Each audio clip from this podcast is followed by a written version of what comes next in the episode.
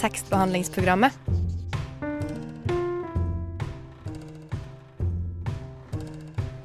Tekstbehandling på radio.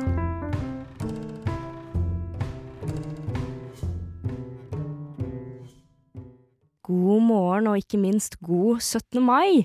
Vi i tekstbehandlingsprogrammet vi tar aldri fri. Vi er her alltid for å snakke til deg om god, god litteratur. Og i dag så skal vi snakke om norsk litteratur, norsk diktning. Men hva vil det egentlig si å være norsk? Hvordan kan litteraturen formidle den følelsen av å være norsk?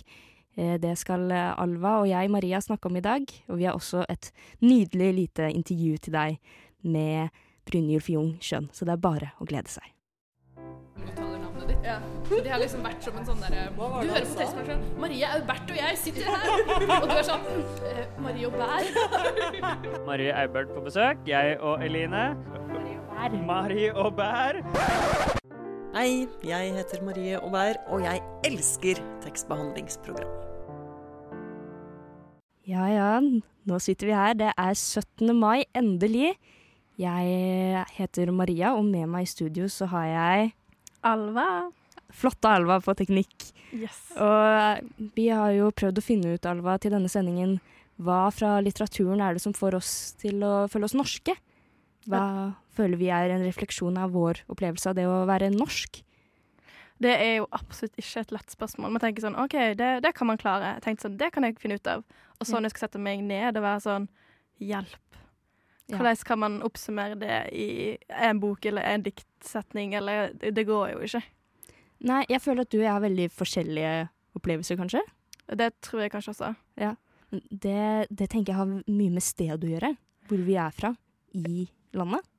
Hva Ja. tenker du? Ja, det tror jeg. Altså, vi har jo snakket mye om det før her på tekstprogrammet. Forhold mellom bygd og by, og eh, hvordan natur og det påvirker eh, hva man liker å lese, og liksom hva man kjenner seg igjen i og sånt. Eh, og jeg, det jeg tror jeg kjenner meg veldig igjen i, er sånn Ikke svulstige, men i hvert fall sånne eh, fjell, elv, altså beskrivelse av naturen som er litt sånn røff Mm. eh, bakgrunn eh, i livene våre.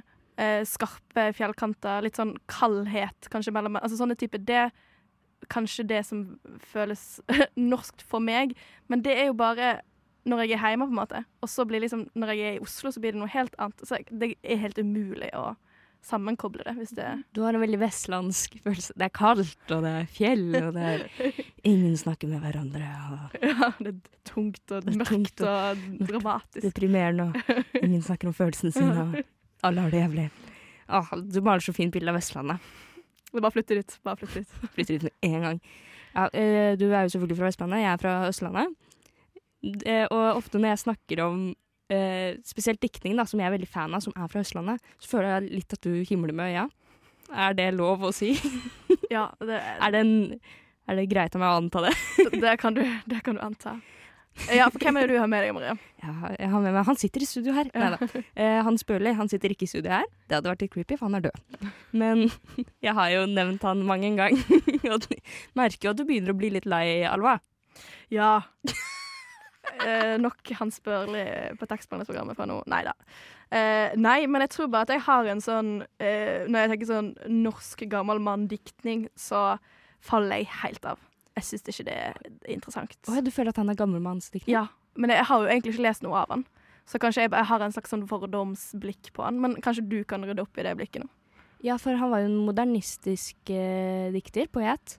Men eh, Ja, så du føler at han er eh, Hvilken gate tenker du på en måte at han er i? Føler du Er det Henrik Wergeland du tenker? eller? Ja, men jeg tenker faktisk okay. i samme gate. Men, jeg tror, men som sagt, jeg har jo ikke lest uh, så mye av han. Og jeg, og jeg forbinder han egentlig bare med de, sånn, de klassiske diktbøkene. Men, sånn, de okay. store sånn, ok, Med en gang man selger en sånn klassisk diktbok, tenker jeg ok, her er det noe sånn gammelt, tradisjonelt diktning. Um, så jeg ser jo at jeg må Så sånn Herman Wildenvey og ja. Han diktet jo på 60-tallet. 70, opp mot 90-tallet. Så det er en annen eh, tidsperiode enn de eldste av de eldste, for å si det sånn. Jeg ser jo at jeg ikke er opplært. Nei, opplyst. Opplært. Men- jeg er ikke opplært. Skylder på foreldrene mine. Nei, men hva er det, hva er det som Hvorfor syns du Hva gjør Altså, hvorfor føler du at dette er norsk? Eller dette er Norge? Eller hva føler du med han som gjør at han Mm. beskriver hva det er å være norske? Han har jo ofte blitt kalt, og han likte ikke det tilnavnet sjæl, men kalt Skogens dikter. Eh, ja, det var et kallenavn han ikke likte så godt, jeg vet ikke helt hvorfor. Eh, men han blir ofte kalt det, for han dikta veldig ofte om skauen. Og spesielt om det å være, hva skal man si, arbeider, da. Han var tømmerhogger, typ det arbeidskraften, veldig mye av det. Eh, han er, var også fra et sted veldig nærme der jeg er fra. Så det er veldig mye spesielt skildringer av natur som jeg kjenner igjen, og mye fokus på tømmerhogging, som er, var en av de største eh, arbeidskraftene der jeg kommer fra. Eh, tømmerfløting skriver han også mye om, som på en måte er hele identiteten til mitt hjemsted. Det er tømmerfløting. Så det er bare veldig mange elementer som jeg kjenner igjen fra min egen oppvekst, og som går veldig igjen. Også spesielt eh, dialekten minner meg om ja, besteforeldre og hva skal man si, mange sånne gode barndomsting, på en måte. Men, Sånn hjemmeskjært, på en måte. Veldig hjemmeskjært. Blir veldig sånn patriotisk Ja, borte bra, hjemme best-aktig. Å, så flott vi har det her hvor jeg er fra. Men eh, jeg blir jo også litt lei meg, på en måte, fordi når jeg leser dette her, så kjenner jeg jo veldig igjen språket til besteforeldrene mine. Men jeg snakker jo ikke sånn sjæl, så jeg blir litt lei meg for at, eh, ja, at det ikke har gått videre, på en måte. Men har du noen, noen favorittdikt? Eller noen oh. sånne Ah, nå stiller du gode spørsmål, Alva. Ja. Eh, hans mest kjente dikt er 'Junikveld'. Den har sikkert du også hørt. Ja, faktisk. Sitter i Størbo julekveld Åh. Uh, oh, favoritt Jeg er veldig glad i skogsdiktene, selvfølgelig. Uh, og det er flere artister, musikere, som har lagd musikk med hans tekster. Uh, Odd Nordstoga sitt eh, nyeste album. Der er det en sang som heter 'Langt innpå skoga', som faktisk er Hans Børli sin tekst. Erik Lukashaugen er en musiker som har faktisk lagd flere album til Hans Bøhle sine tekster, og der er det én sang av han som heter 'Vi er i skogene', som jeg liker veldig, veldig godt. Men jeg tenker, Alva, for å overbevise deg, skal jeg kanskje lese litt fra den diktsamlingen? Ja, gjør det. Ok. Dette er 'Vi er i skogene' av Hans Børli. Jeg har aldri eid et tre. Ingen av mitt folk har noensinne eid et tre. Skjønt slektens livstid slynget seg over århundrers blå høgder av skog. Skog i storm, skog i stille, skog, skog, skog. Alle år. Mitt folk var alltid et fattig folk. Alltid. Barn av livets harde jernnetter. Fremmede menn eier trærne og jorda. Steinrøysjorda. Som mine fedre ryddet i lyset fra månens løkt. Ingen av mitt folk har noensinne eid et tre. Likevel eier vi skogene med blodets røde rett. Vi eier skogene slik barnet eier si mor. Der hoppet jeg litt i teksten, bare for å få med meg essensen av det. Hva tenker du? Med det første. Nei, jeg syns jo faktisk det var fint. ikke Ja. faktisk. Ja, men jeg tror jeg må Det er vanskelig å overbevise Alva om dikt. Hun er ikke en diktersjel. Enn så lenge. Det er mitt, eh, mitt prosjekt. eh. Alltid litt skummelt å presentere et dikt for deg. Ja, uh, men jeg, jeg er veldig glad når folk leser opp dikt. Da tror jeg diktet treffer meg på en helt annen måte Ja. enn um, enn når jeg leser det sjøl. men, men, men nå kommer vi tilbake sånn For det var mye skog. Jeg, synes, Mm. jeg, jeg skjønner hva du mener med at den er sånn kommunistisk, eller litt sånn at vi alle eier skogen, eller skogen eier Altså gjennom våre røtter, hva det gjennom våre Mm. Blodets røde rett. blå Ja. Um, jeg syns ja, jeg syns det var fint den gjentakningen om at vi eier ikke skogen, men vi eier skogen likevel. Som barnet eier sin mor, Ja. skriver han. Uh, det syns jeg var fint. Men så syns jeg også sånn skog, for meg uh, Ordet skog har et litt sånn kjedelig assosiasjon til det. For det er ikke fjord, og det er ikke fjell. Og da gidder ikke vestkantsjenta Vestlandsjenta, mener jeg. Vestkant. Unnskyld. Det var en grov, grov Oi, oi. fornærmelse fra min side. Nei, da gidder ikke vestlandsjenta å forholde seg til det. Nei, men jeg tror bare sånn mm, Den skogen jeg kjenner til eh, Eller når jeg hører ordet skog, så tenker jeg på sånn granskog som er kjempestygg. Oi. Um, og, men jeg, ja, ordet skog for meg har jeg ikke en positiv assosiasjon. Um, men jeg syns også det var fint dikt. Eh, litt modernistisk, kanskje? Var det den der gamle formen som du gjerne tenker Nei, men jeg tenker fortsatt at det er ikke, ikke sånn tradisjonelt i den måten tradisjonelt i litteraturverdenen er omtalt på, men jeg føler fortsatt at det er en litt sånn Det er ikke en eh, dagens type diktning, vil jeg jo ikke si. Nei, det er det ikke. Nei. Den dagens diktning er litt vanskelig å fastslå også. Absolutt. Men den er jo på en måte kanskje litt modernistisk, men jeg vil jo si at den hadde jo var jo på en måte, ja, litt, Den er jo litt tradisjonell i formen. Det er litt gjentakinger, det er en slags rytme som ligger der. Det er ikke en sånn helt sånn Jeg vet ikke hvordan den ser ut på diktformen, da, men ehm, Nei, det er absolutt eh, en rytme der, og den rytmen skal du få høre veldig godt nå. Her får du Erik Lukashaugen med 'Vi eier skogene'. Radio Nova. På tide å skru på tekstbehandlingsprogrammet. Yndlingssykkelen de siste seks-sju månedene er en enhjulssykkel. Vi har Marie Eibert på besøk. Jeg og Eline. Marie og Bær. Jeg tenker alltid at en T slutter med ø, h, h, h, h, utropstegn, utropstegn. Det er bare tekstbehandlingsprogrammet. Nei, det var ikke så mye å si. Å, Vestland, Vestland Jeg kan ikke mer eh, fra den teksten. Min kjære Alva, hvordan står det til på Vestlandet? Nei, det er jo et stort og godt spørsmål, eh, som vi også har snakket om før. Men eh, Vestlandet er jo Jeg føler Vestlandet er definisjonen på Norge. Oi, Wow. der kommer den. Oslo, resten står- av Norge, drit i det. Nei, men at, at fjord, eh, høye fjell, eh, store fosser eh, Alt det på 17. mai eh, føler jeg er en sånn urnorsk eh, ting man alltid framhever. Så er det jo selvfølgelig eh, et ikke, karikatur, ikke karikatur, hva heter det? En sånn slags Det er jo veldig skjønnmalt. Jeg føler Vestlandet kan bli veldig skjønnmalt, og jeg er jo med på å skjønnmale det. Um, Det er, det er på en måte salgspitchen for eh, når man skal få turister inn i Norge. Det er jo vakre Vestland uh, og fjord og fjell. Ja, men det er jo vakkert, det. Uh, det er jo vakkert. Absolutt. Men uh, jeg, har Det er jo vakkert, det er jo vakkert. Jeg føler alltid Jeg, skal, jeg prøver alltid å ha et sånt Ikke kynisk blikk, hva heter det? Et likegyldig blikk når jeg skal snakke om Vestlandet. Men hver gang jeg er i Oslo, eller når jeg er, når jeg er på Østlandet, så får jeg et helt sånn absurd forhold til Vestlandet. Oi. Eh, jeg får et mye mer sånn sterkere sånn, Jeg blir sånn, sånn motsetningsvis øh, østlandsk. Jeg blir veldig sånn stolt over hvor jeg kommer fra. Liksom. Du blir Mens- patriot? Ja, mens når jeg er hjemme på Vestlandet, så er ikke det så viktig, liksom. Ok, Men hva er det du finner i litteraturen da, som kan hjelpe deg litt med denne Det høres litt ut som en identitetskrise. Du står Ja. ikke helt sikkert i eh, din kjærlighet for Vestlandet. Nei, jeg, det er jo det, vi har jo et veldig ambivalent, ambivalent forhold meg og Vestlandet, da. Men I love you, and I will forever love you. No matter Jeg how hard deg. gets. Ja, på engelsk. Gud a meg. Vi, er på en, vi har 17. mai-sending. Jeg kan ikke si noe på engelsk. Jeg elsker deg, Vestlandet. Nei, eh, jeg har jo dratt fram Dratt fram. eh, Pretensiøse person som jeg er. Eh, Jon Fosse. Men tenker vi trenger litt pretensiøshet her på et eksperiment. Ja, nå kommer jeg med folkelig Hans Ja. Så det er bra du gir et motsvar.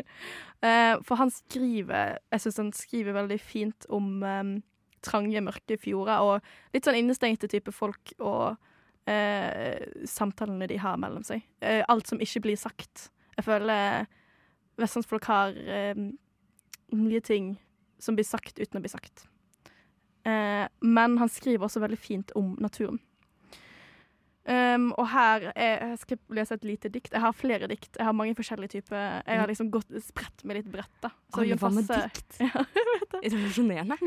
Men nå skal jeg lese ett fra Jon Fosse sin diktsamling som heter 'Stein til stein'. Og dette her er da dikt ja, eh, som heter 'Stein til stein'. Så det er ja, Mm. titteldiktet. Elva er den samme gamle. Jeg har sett henne slik så ofte før. Hun puster som før. Hun rører seg som før. Og jeg går over henne. Fra stein til stein. Det var det jeg valgte å ta med. Men eh, det er også fordi at elva som et symbol eh, jeg står jeg veldig mye nærmere enn symbolet skog. Eh, Fordi elven er, går rett ut forbi huset mitt, og jeg har en veldig sånn sterk forhold til den jeg føler, ja, jeg føler elva har en veldig sterk plass i meg, og en sterk plass i det å føle meg ikke norsk, men å føle meg som heima. Ja. Og det blir jo kanskje det samme som føles som norsk, fordi nå er jeg jo heima i Norge. Ja, Men, så elva tilsvarer på en måte Norge for deg, da? Er det det symbolet elva blir? Nei, eh, altså, det er akkurat det. Jeg det er så vanskelig å, å snakke om Norge eh, Jeg kan snakke om hjemme, det å føle seg hjemme. Mm. Men det å snakke om Norge i ett syns jeg er ekstremt vanskelig. Jeg vet ikke om det er mulig engang. Og det er kanskje det vi har sett litt i det siste. At sånn, vi kan ikke snakke om noe som hva som er norsk, på en måte. Det har vært en kjempestor debatt. Ja, det er veldig vanskelig, men jeg tenker de to eksemplene vi nå har kommet med, er jo begge naturbaserte dikt. dikt. Absolutt. Jeg vil også bare eh, ta med én strofe. Kommer på løpende bånd her nå. Det er helt sjukt. Hva annet er det du har tatt med? Uh, dette er da Hildegunn Dale. Uh, hun kommer fra Modalen og er, er i familie med meg. Uh, Ei, ei, ei. Ja, vet. Eh, og dette er fra diktsamlingen som heter Armen, 'Armene mine handlinger'. Eh, og jeg skal bare lese én setning fra den, okay. eh, men det er åpningssetningen i et dikt, og det eh, lyder slik. Og jeg vil bare si at Mo er da der jeg kommer fra. Eh, Norges nest minste kommune, til ja, de som lurer på det. Ja. jeg vil til Mo, et landskap som alt puster i meg. Og det er den Oi. setningen jeg skal ha. Og det, jeg, jeg kjenner, den setningen syns jeg står veldig sterkt. Men dette er noe som du spesielt kjenner på når du ikke er hjemme i Modalen. Ja, Når du hjemme, når du er i Oslo, så kjenner du på den der. ja. Det er jo kanskje litt det med at man alltid har en sånn lengsel til noe, og så når man, den lengselen blir oppfylt Oppfylt? Ja. Oppfølt? Hva heter det? Hva heter det? Eh, Sko- opp- Oppnådd? Forfylt? Forfylt? Ja. Forfylt. Vi kan norsk. Vi kan- Velkommen. til God 17. mai. um, så er det ikke det samme. Altså, det er den der å føle den lengselen, føle lengselen til Vestlandet og høyfjellene, er mye sterkere eh, har en mye mer positiv kraft i meg enn det å faktisk være der, hvis det gir mening. Det er mye enklere å romantisere det når man har det på avstand. Og det blir som en del av den langselen. altså bare det å lengte etter det, ja, blir en del av følelsen. Så når du faktisk skal få tak i det, så er ikke det det samme lenger. Mm. Yes. Modalen, ass. Modal. Um, men ja, hva, eh, fordi OK Hva som er å være norsk?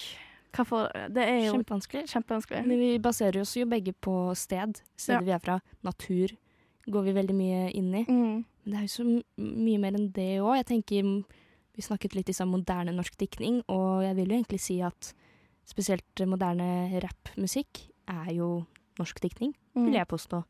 Karpe, for eksempel. Det er jo absolutt diktning. Men igjen, det er jo ikke diktning som jeg kjenner meg så veldig mye igjen i. Men det er jo igjen en opplevelse av det å være norsk.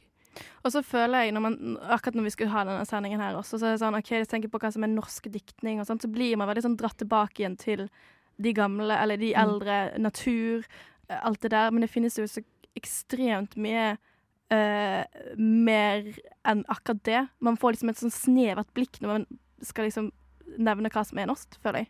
Ja. Jeg er enig, og det blir veldig gammelt. Henrik Wergeland og alle, alle de tjommiene der, da, som man sier der du kommer fra. Ja. Tjommé. Eh, Eller Jeg vet meget land og alle de gode gamle der. Altså, Med en gang jeg tenker at Herborg, Her, Herbjørg, er det den heter? Herbjørg Kråkvik har sunget det, så tenker jeg at ja, det er norsk. På en måte. Det er, det er, det er sånn det kvalitetssikra. Mm. uh, men ja, jeg er helt enig, det er veldig vanskelig å på en måte eh, pinne det ned. Dette er norsk. Men igjen, jeg tenker, står det skrevet på norsk, eh, originalt, så er det vel norsk. Og vi skal jo, du hadde jo et intervju eh, Mm. med Bryne Fjongtong, og han snakker jo om noe helt eh, En, annen følelse å være norsk. en opplevelse av å være norsk som verken du eller jeg har følt på, eller noen gang kommer til å føle på. Nemlig det å vokse opp som adoptert fra et eh, ikke-europeisk land. Eh, men hun da vokste opp på Bygde-Norge, som både du og jeg har gjort, men da med en helt annen bakgrunn. Radio Nova er best. Alle andre er tapere. Radio Nova.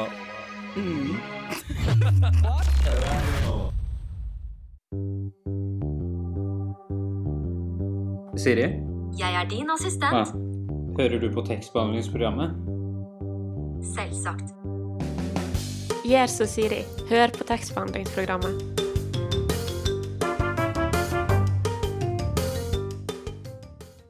Jeg har vært så heldig å få intervjue Brynjulf Jung Kjønn.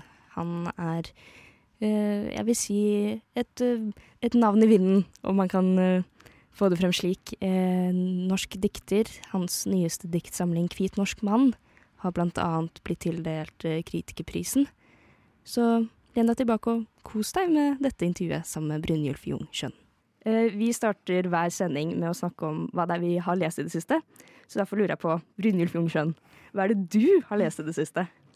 Åh, det kom litt, brått på. Jeg, eh, akkurat nå så hører jeg på eh, Jeg hører faktisk litt på lydbok for tiden. Ja. Jeg oppdager det fordi jeg jeg trener litt og jogger litt, og, da vil, og har kjørt en del bil i det siste. Fordi jeg har Ja. kjørt fra bibliotek til bibliotek for å snakke om eh, boka mi. Og da har jeg begynt å høre en del på, på lydbøker. Så akkurat nå så hører jeg på Sandra Lillebø med 'Tingenes tilstand'. Veldig sterk, eh, veldig sterk fortelling. Den er jo ganske personlig, har jeg eh, skjønt. Eh, før det så Cæsar Shakar Mm.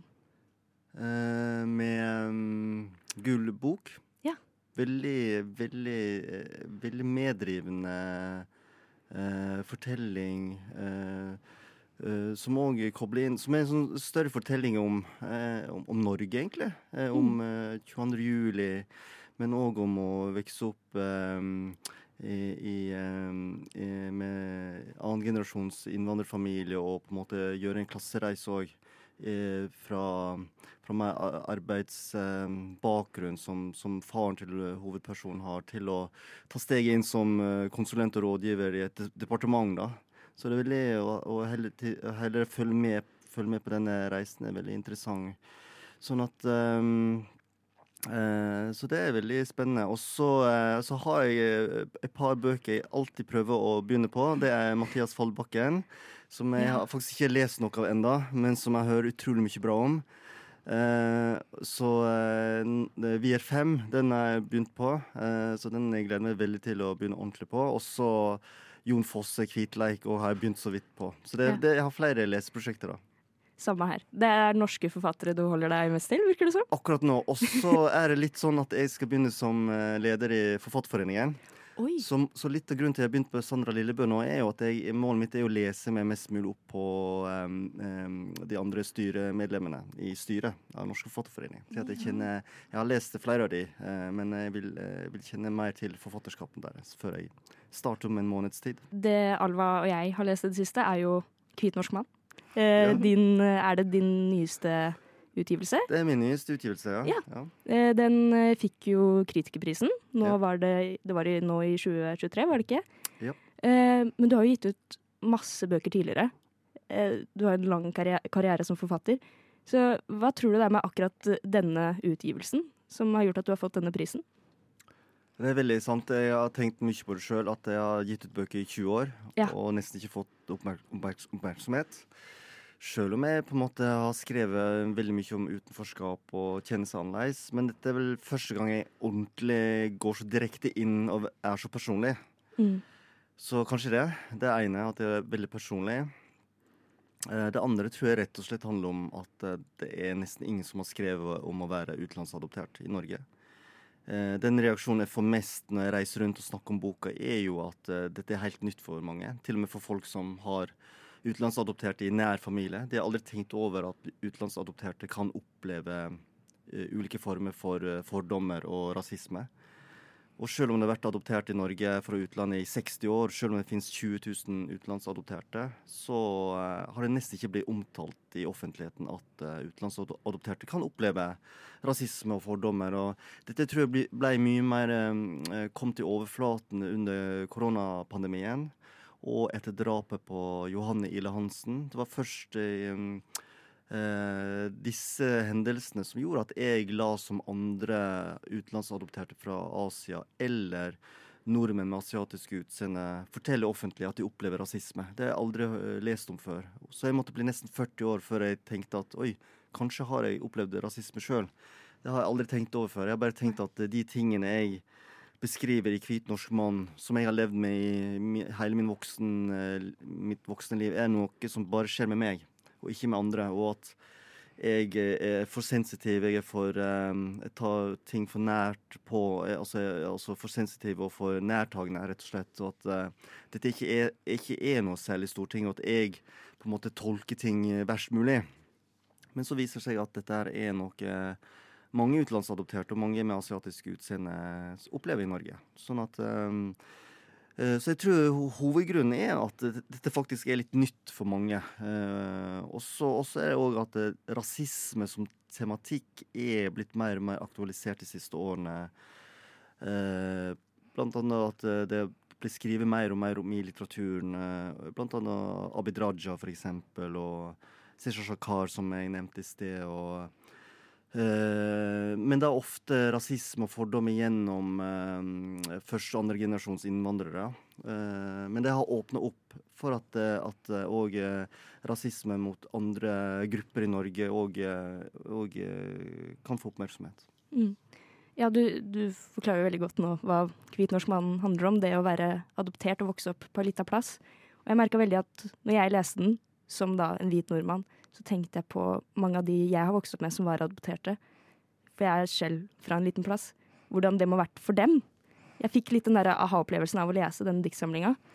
Uh, så jeg lurer litt på hvordan er det man formidler en sånn, hvis man kan kalle det en minoritetsopplevelse, som jo en gruppe har, til majoriteten? Det er det jeg ikke har visst. Ja.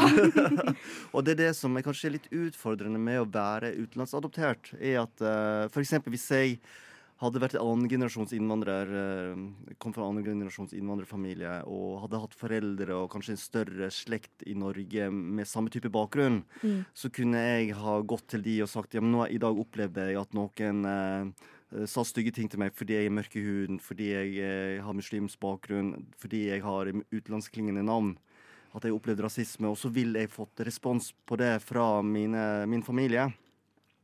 Men å være utenlandsadoptert er at uh, da er du ofte den eneste mørk hud i en hvit norsk familie. Og sånn, Mm. har uh, sånn er det for mange utenlandsadopterte, og sånn har det vært for meg. Sånn at jeg har ikke hatt noen som jeg kunne uh, snakke med disse erfaringene om. Og når jeg har prøvd å, å på en måte snakke med andre om det, så har på en måte ikke de kanskje gitt meg den responsen som jeg har trengt. det, Eller de har ikke sett det jeg har sett.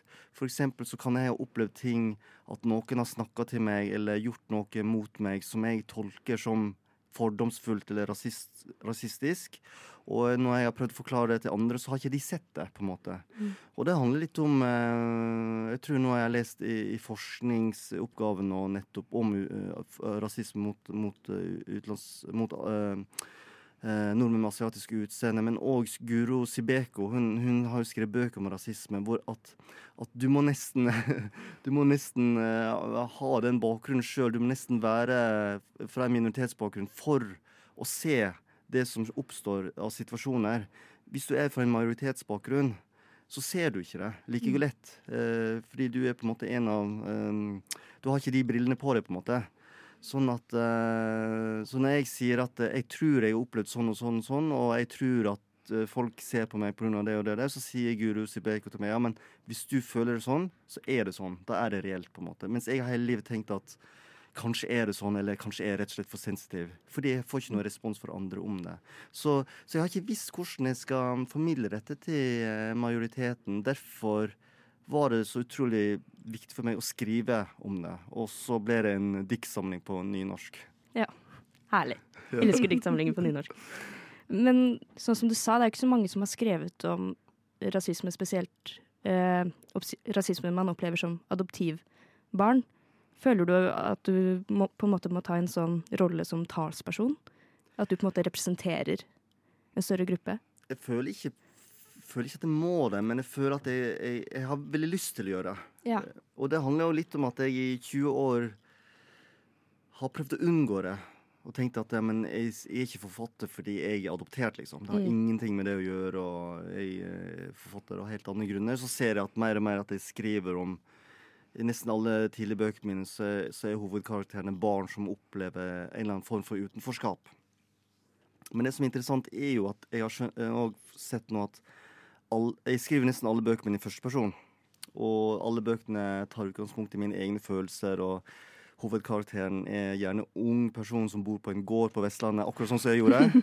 Og så har jeg nå innsett at alle hovedkarakterene mine er hvite.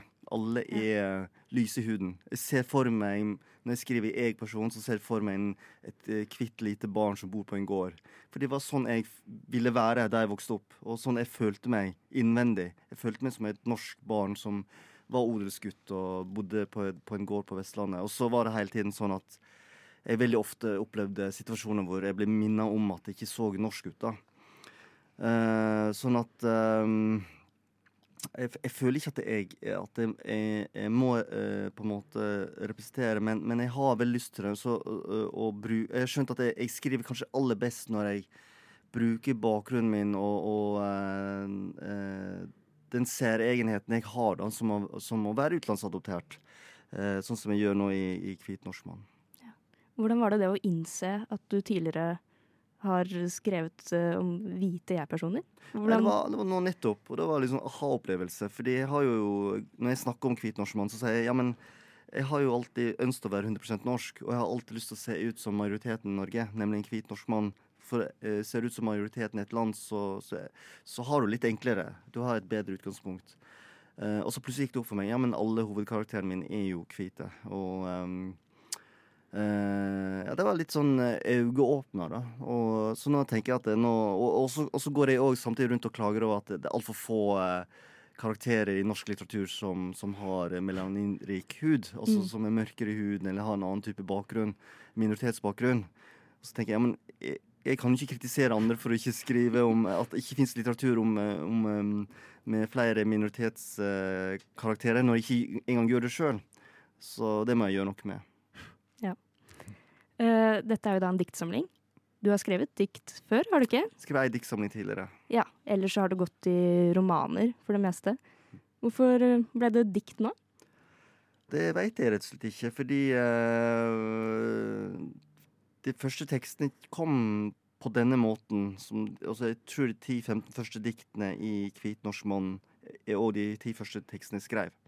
Og de kom på denne måten. Og så var jeg utrolig usikker på om dette egentlig var dikt i hele tatt. Eh, For det var så enkelt, lett å forstå. Altså rett fram. eh, og er dette liksom knekkpros, eller hva man kaller det. sant?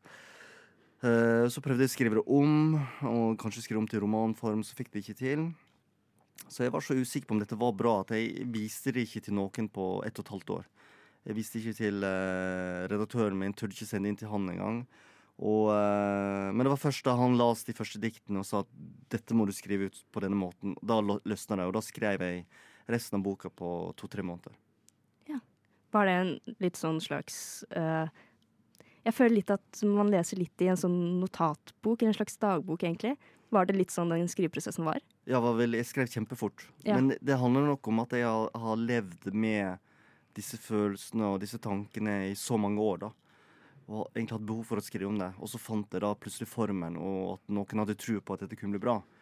Og da løsna det. Så ting jeg skrev veldig fort, og så har jeg brukt òg god, god, god del tid til å redigere. Kanskje først og fremst stryke en del. Mm. Men ting er skrevet ganske umiddelbart. Og det er egentlig sånn jeg skriver dikt. da. De må komme ganske umiddelbart. Ja. Mm. Det skal komme rett fra Ja, hvis jeg bearbeider diktene veldig mye, så er jeg veldig redd for å miste mye av, det, mye av kvaliteten ved det, nemlig at det kommer veldig innenfra, og at det veldig mye av det umiddelbare er det. Så med en gang um, man må redigere mye, så mister jeg en del av den um, energien da, som en del av diktene kanskje har. Det er litt samme med forrige diktsamling, som uh, er helt annerledes, som er mye mer poetisk mye mer typisk diktsamling. Likevel så ble den skrevet, veldig mange diktene skrevet ganske fort. Fordi at det- veldig mye av teksten har kommet nesten som automatskrift, på en måte. Så hvis man skal inn der og begynne å redigere og prøve å dikte på nytt, så mister man litt av den energien da, som kommer i det umiddelbare når man er i flyten. da. Men sånn er det med prosa nå. Jeg skriver veldig mye Det kommer veldig mye Jeg må komme inn i en slags flyt, og så kommer veldig mye av um, teksten veldig fort. Og så kan uh, det, det stopper opp, og så kan det gå mange dager uten at jeg klarer å skrive noe. Ja. Uh, har du lyst til å lese litt opp fra Hvit norsk mann? Ja, det kan jeg gjøre. Jeg kan lese fra starten av. Gjerne. Hva vil du bli når du blir stor? Jeg vil bli en hvit norsk mann. Tenk om jeg bare hadde hatt lyst hår. Tenk om jeg bare hadde hatt blå eller grønne øyne. Tenk om jeg bare hadde vært en hvit norsk mann. Hva slags problemer jeg har hatt. Hver eneste dag har jeg tenkt på det, helt fra jeg var liten og sto framfor speilet og lurte på hvorfor jeg var så gul i huda, hvorfor håret mitt var så svart, hvorfor øynene mine var så smale, hvorfor ikke ligna på noen av de jeg gikk på skole med, ikke ligna på søskenbarna mine, ikke ligna på foreldrene mine. Hvorfor skulle jeg blant eh, fem millioner nordmenn se ut som en kineser? Å gå rundt uten at eh, noen snakker engelsk til meg? Å gå forbi en barnehage uten at barn roper King Chong Kinamann? Å møte nye mennesker som ikke lurer på hvor jeg egentlig kommer fra? Skolefotografen i første klasse ber meg om å åpne øynene mer. Skolefotografen i andre klasse ber meg om å åpne øynene mer. Skolefotografen i tredje klasse ber meg om å åpne øynene mer. Etter dette, hver gang noen skal ta bilde av meg, åpner jeg øynene så mye jeg kan. I et uh, bryllup kommer brura sin far bort til meg og spør Where are you from? Jeg svarer at jeg er norsk, at jeg er adoptert fra Sør-Korea, men har vokst opp nesten hele livet på en gard på Vestlandet. Han spør meg om jeg trives med å bo i Norge. Jeg uh, jobber i NRK. Jeg har akkurat kjøpt meg leilighet i Ullevål Hageby. Jeg har kommet hjem fra jobb med ei avis under armen. Den første naboen jeg møter, spør om jeg leier leiligheten av noen. Den andre naboen jeg møter, spør om jeg er det nye avisbudet. Du lytter til tekstbehandlingsprogrammet. Radio Novas smarteste program. For jeg opplever det som veldig absurd at noen skal spørre deg som har liksom oppvokst i Norge og levd hele livet ditt i Norge, trives du i Norge? Ja. Det, men det er jo ikke absurd, for det er jo ting du faktisk har opplevd. Og det, det er situasjoner kanskje det, det, det jeg opplever aller mest, er å bli snakka engelsk til nesten hver dag. Og, Og, um, og i situasjoner med liksom andre foreldre til, eh, til barn hvor man har barn på fritidsaktiviteter sammen.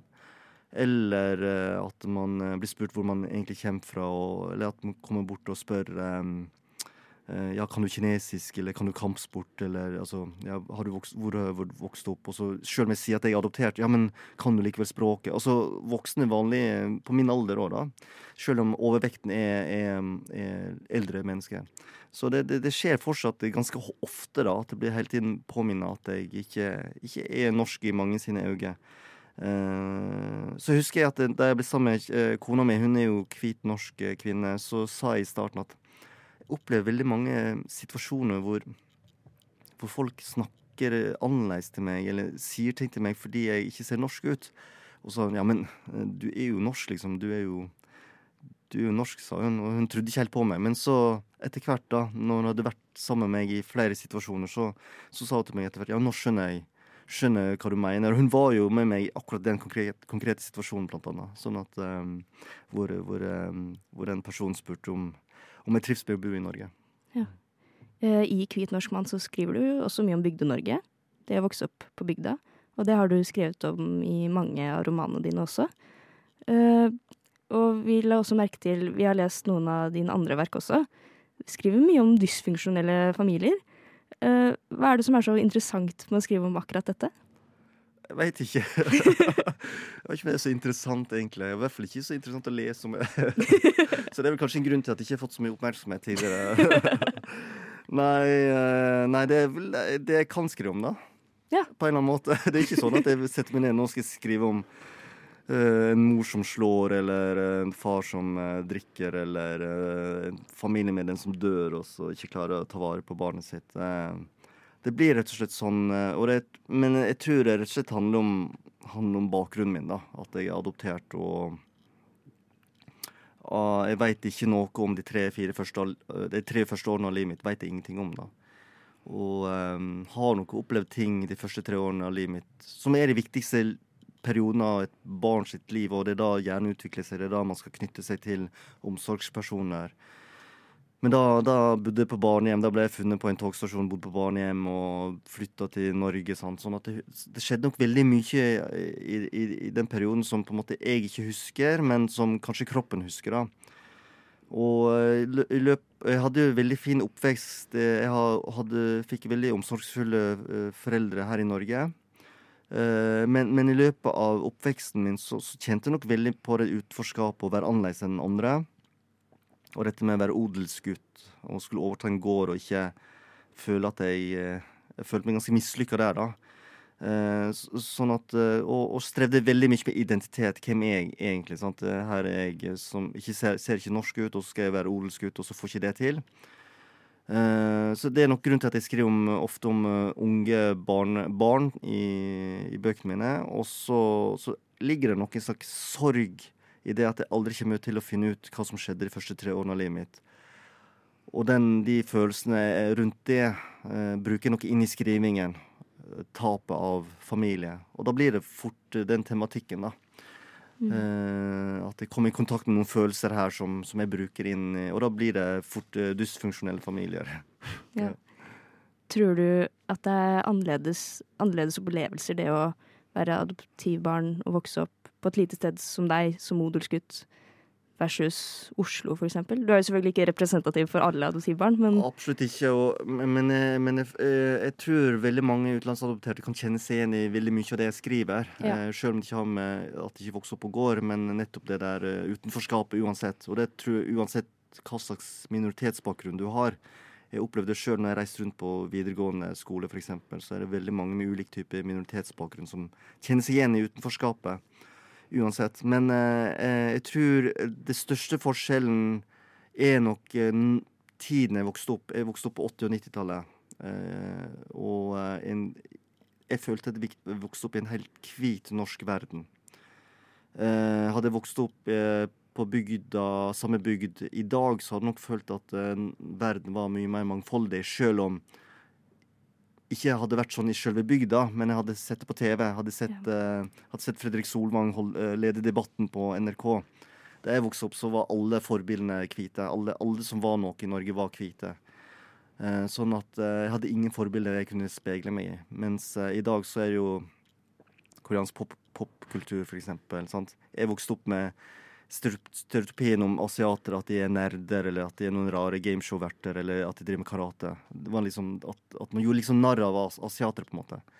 Mens i dag er asiatiske skuespillere, de vinner Oscar, de, de er um, og, og, bare på TV altså det er flere med ulik type minoritetsbakgrunn som er, jobber i nyhetene. Når jeg vokste opp, var det ingen nyhetsopplesere, ingen programledere som, som var, hadde annen hudfarge. Alle var lyse, liksom. Sånn at um, så det tror jeg er største forskjellen.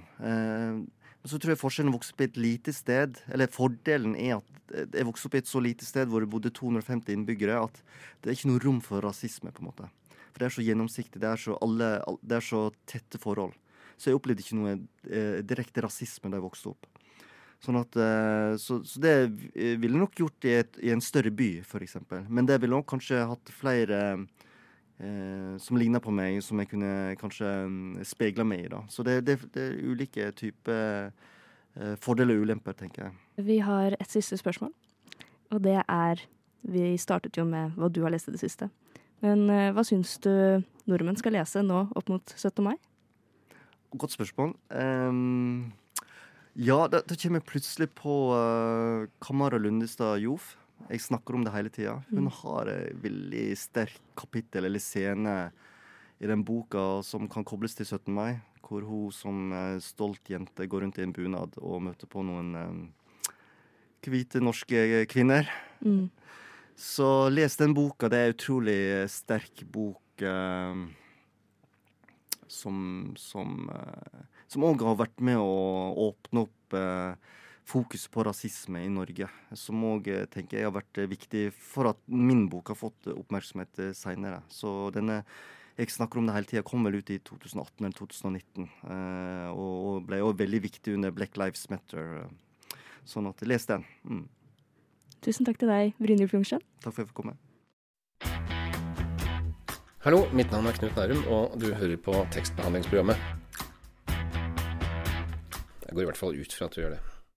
Du hører absolutt på tekstbehandlingsprogrammet, og det du hørte nå før, var jo et intervju med Brynjulf Jung Skjønn. Der snakket vi jo mest om Hvit norsk mann. Men eh, du og jeg, Alva, vi leste jo også mye annet av Brynjulf før dette intervjuet. Og der var det spesielt en bok som jeg gjerne vil anbefale alle å lese nå frem mot 17. mai. Eller på 17. mai, hvis du, hvis du er, litt, er litt gæren, da. Skikkelig lesehest som leser på 17. mai. Eh, og den eh, boka, den heter Alt det lyse og alt det mørke. Den kan jeg, eh, Alt det lyse og alt det mørke, den anbefaler jeg virkelig på det varmeste. Men du fortalte meg, Alva, at du også har noe annet som du gjerne vil anbefale. Ja, og jeg vil bare først hoppe på samme tråden som du er på nå. Brynjulftoget? Ja, Brynjulftoget. Um, Nå må du kjappe deg, vi, vi, vi tuter videre.